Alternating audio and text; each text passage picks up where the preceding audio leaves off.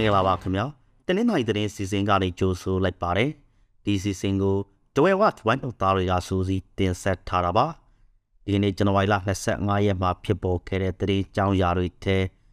ပထမဆုံးအနေနဲ့ပြောပြမှာကတော့မြေမြို့နယ်ဘာစောကြီးကအုပ်စုမှာပောက်ကွဲမှုဖြစ်လို့လူငယ်2ဦးသေဆုံးသွားတဲ့အကြောင်းဖြစ်ပါတယ် မင်းတို့ကနေ22မိုင်လောက်ကွာဝေးတဲ့မာဇောကြီးကအုပ်စုမှာ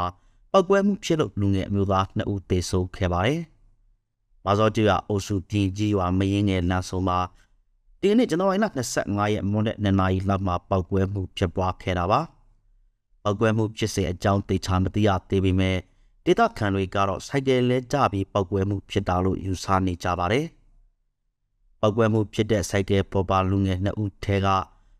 တဦးပွဲချင်းပြီးသေဆုံးသွားတယ်လို့နောက်တဲ့ဦးကတော့ဆေးရုံတဲသွားစဉ်လမ်းမှာသေဆုံးသွားခဲ့တယ်လို့ဆိုပါတယ်။သေဆုံးသွားတဲ့လူငယ်နှစ်ဦးဟာဘယ်သူတွေဖြစ်တယ်ဆိုတာကိုတော့မသိရသေးပါဘူး။ဆလပီရေပြင်းမြို့နယ်မှာအုတ်ချုပ်ရေးမှုအပါဝင်အမျိုးသားသူပြစ်ခတ်ခံရတဲ့အကြောင်းပြောပြပါမယ်။ရေပြင်းမြို့နယ်ကံမုတ်ကျေးရွာနဲ့ဇာဒီကျေးရွာကအမျိုးသားသူဦးဟာဒီကနေ့ဇန်နဝါရီလ25ရက်ကပြစ်ခတ်ခံခဲ့ရပါတယ်။ ကံမုတ်ကြီးရွာကစက်ကောင်စီခန့်အုပ်ချုပ်ရေးမှုဖြစ်တဲ့ဦးခင်စိုးနဲ့သူ့ကိုစိုက်ကယ်နဲ့လိုက်ပို့လိရှိတဲ့အမျိုးသားတဦးဇာဒီရွာကအသက်60အရွယ်ဦးအေးဟန်တို့ပြစ်ခတ်ခံခဲ့ရတာပါဦးခင်စိုးနဲ့အခြားမျိုးသားတဦးကတော့ထိခိုက်ဒဏ်ရာရှာလို့မောရဝတီရီတဆေးရုံကိုတင်ပို့ထားရပြီးဦးအေးဟန်ကတော့သေဆုံးသွားတယ်လို့ဆိုပါတယ်သူတို့တတွေကိုဘယ်ဘက်ကလာရောက်ပြစ်ခတ်တယ်ဆိုတာကိုတော့မသိရသေးပါဘူး ဆလပီလောင်မျိုးနယ်ကနေတဆောက်ချေပိခံရပြီးအမျိုးသမီးနှစ်ဦးလည်းဖမ်းဆီးခံရတဲ့အကြောင်းပြောပြပါမယ်။လောင်မျိုးနယ်ကြောက်နီမောကြီးရွာကဦးစောဦးရဲ့နေအိမ်ကိုစက်ကောင်စီနဲ့ပြူစောတိအဖွဲ့တွေကဝင်ရောက်ရှာဖွေပြီးချေပိလိုက်ပါတယ်။ပြည်သူ့ကာကွယ်ရေးအဖွဲ့တွေနဲ့ပတ်သက်မှုရှိတဲ့ဆိုတဲ့ဆွဆွဲချက်နဲ့ဇန်နဝါရီလ24ရက်ကချေပိလိုက်တာလို့ဆိုပါတယ်။ချေပိခံရတဲ့ပိုက်ရှင်တွေကတော့နေအိမ်မှာမရှိကြပါဘူး။ ချစ်ပိတ်ခံရတဲ့အေရဲ့အနီနာကအသက်58နှစ်အရွယ်နဲ့အသက်20ရွယ်အမျိုးသမီး2ဦးကိုလည်းစက်ကောင်စီတပ်ကဖမ်းဆီးသွားခဲ့ပါတယ်။ကြောက်နီမော်ရွာဟာလောင်လုံးမြို့နယ်တဲကပြူစောတီအဖွဲ့အားကောင်းတဲ့ရွာတွေရွာဖြစ်ပါတယ်။ဘိုးဘင်းကစက်ကောင်စီစေတကြကြည်တူပြည်သူကာကွယ်ရေးဖွဲ့ကဖမ်းဆီးထားတဲ့အကြောင်းဆက်ပြောပြပေးပါမယ်။ကောတောက်ခရိုင်ဘိုးဘင်းမြို့နယ်စက်ကောင်စီစေတကတကြကြည်တန်းစောဦးကို ဘလော့ဒေတာပြည်သူ့ကာကွယ်ရေးတပ်ကဖမ်းဆီးထားတာပါဇန်နဝါရီလ22ရက်ကခရီးသည်တင်ကားပေါ်ရောနှောလိုက်ပါလာတဲ့တပ်ကြကြီးကိုဘလော့မြို့နယ်ကတဲနဲ့သင်္ကန်းတော်ရွာအနီးပြည်တော်စုလမ်းမပေါ်မှာဖမ်းမိခဲ့တာလို့ဆိုပါတယ်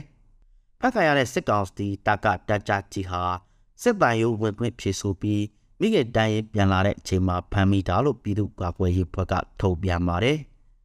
ပေါ်တောင်းမြစ်တဝဲပြည်တော်စုလမ်းမကြီးပေါ်မှာလလအတွင်းစစ်ကောင်စီတပ်ဖွဲ့ဝင်2ဦးနဲ့အကျဲထောင်ရာရှိ2ဦးကိုဘလော့ပြည်သူကာကွယ်ရေးဖွဲ့ကဖမ်းဆီးခဲ့ပါတယ်။ဆက်လက်နားဆင်ရမှာကတော့ရေပြူမြို့နယ်မှာစစ်တပ်ပိုင်းမြဝတီတရင်ထောက်2ဦးပြစ်ဒဏ်ခံရတဲ့အကြောင်းဖြစ်ပါတယ်။ရေပြူမြို့နယ်ကလေးအောင်မြို့အမှတ်3ရပ်ကွက်မှာနေထိုင်တဲ့စစ်တပ်ပိုင်းမြဝတီတရင်စာတရင်ထောက်ကိုလင်းလင်းထုံးဆိုတဲ့သူပြစ်ဒဏ်ခံရပါတယ်။ ကလေးအောင်ခြေဆိုင်ပြည်သူ့ကာကွယ်ရေးပူးပေါင်းအဖွဲ့ကဇန်နဝါရီလ24ရက်ညနေပိုင်းမှာလာရောက်ပြစ်တက်သွားခဲ့တာလို့ဆိုပါတယ်။ကိုလင်းလေးခေါ်ဟာအနာဘသိခင်ကတဲ့ကမြဝတီသတင်းစာမသတင်းထောက်ဖြစ်လုပ်ကိုင်နေသူဖြစ်ပါတယ်။သူဟာပြည်သူတွေစီကသတင်းစုံစမ်းပြီးကလေးအောင်မြို့ခြေဆိုင်အမှတ်430ချင်းများတိုင်းရင်ကိုသတင်းပေးပို့နေသူဖြစ်တယ်လို့ပြည်သူ့ကာကွယ်ရေးအဖွဲ့ဘက်ကပြောဆိုထားပါတယ်။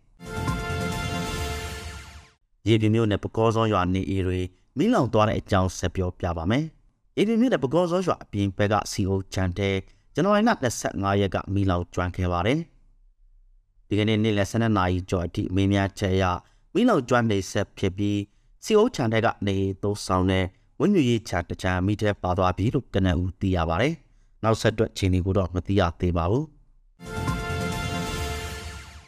နောက်ဆုံးအနေနဲ့ဖန်စီခံထားရတဲ့အောက်တရဲချောင်းရွာကအမျိုးသားတဦးရဲ့နောက်ဆိုးရအခြေအနေကိုနားဆင်ရမှာပါဖန်စီခံထားရတဲ့တရဲချောင်းမျိုးနဲ့အောက်တရဲချောင်းရွာသားအသက်55နှစ်အရွယ်ဦးစုကမြတ်ကောဦးဖေဝင်းဟာဒီကနေ့အထိလွန်မြောက်မလာသေးပါဘူးသူကိုစစ်ကောင်စီတပ်ကဇန်နဝါရီလ30ရက်ကတရချောင်းမြို့နယ်ဝင်းဝရွာဆက်စေးရိတ်အနီးမှာကာရောလူပါစစ်ကောင်စီတပ်ကဖမ်းဆီးခဲ့တာပါစစ်ကောင်စီတပ်ကဖမ်းသွားတာ9ရက်ကြာရှိနေပေမဲ့ မိသားစုနဲ့တွေ့ခွင့်မရသေးပဲဖြစ်နေတဲ့ဆိုတဲ့အကြောင်းတင်ဆက်ပေးလိုက်ရပါတယ်ခင်ဗျာ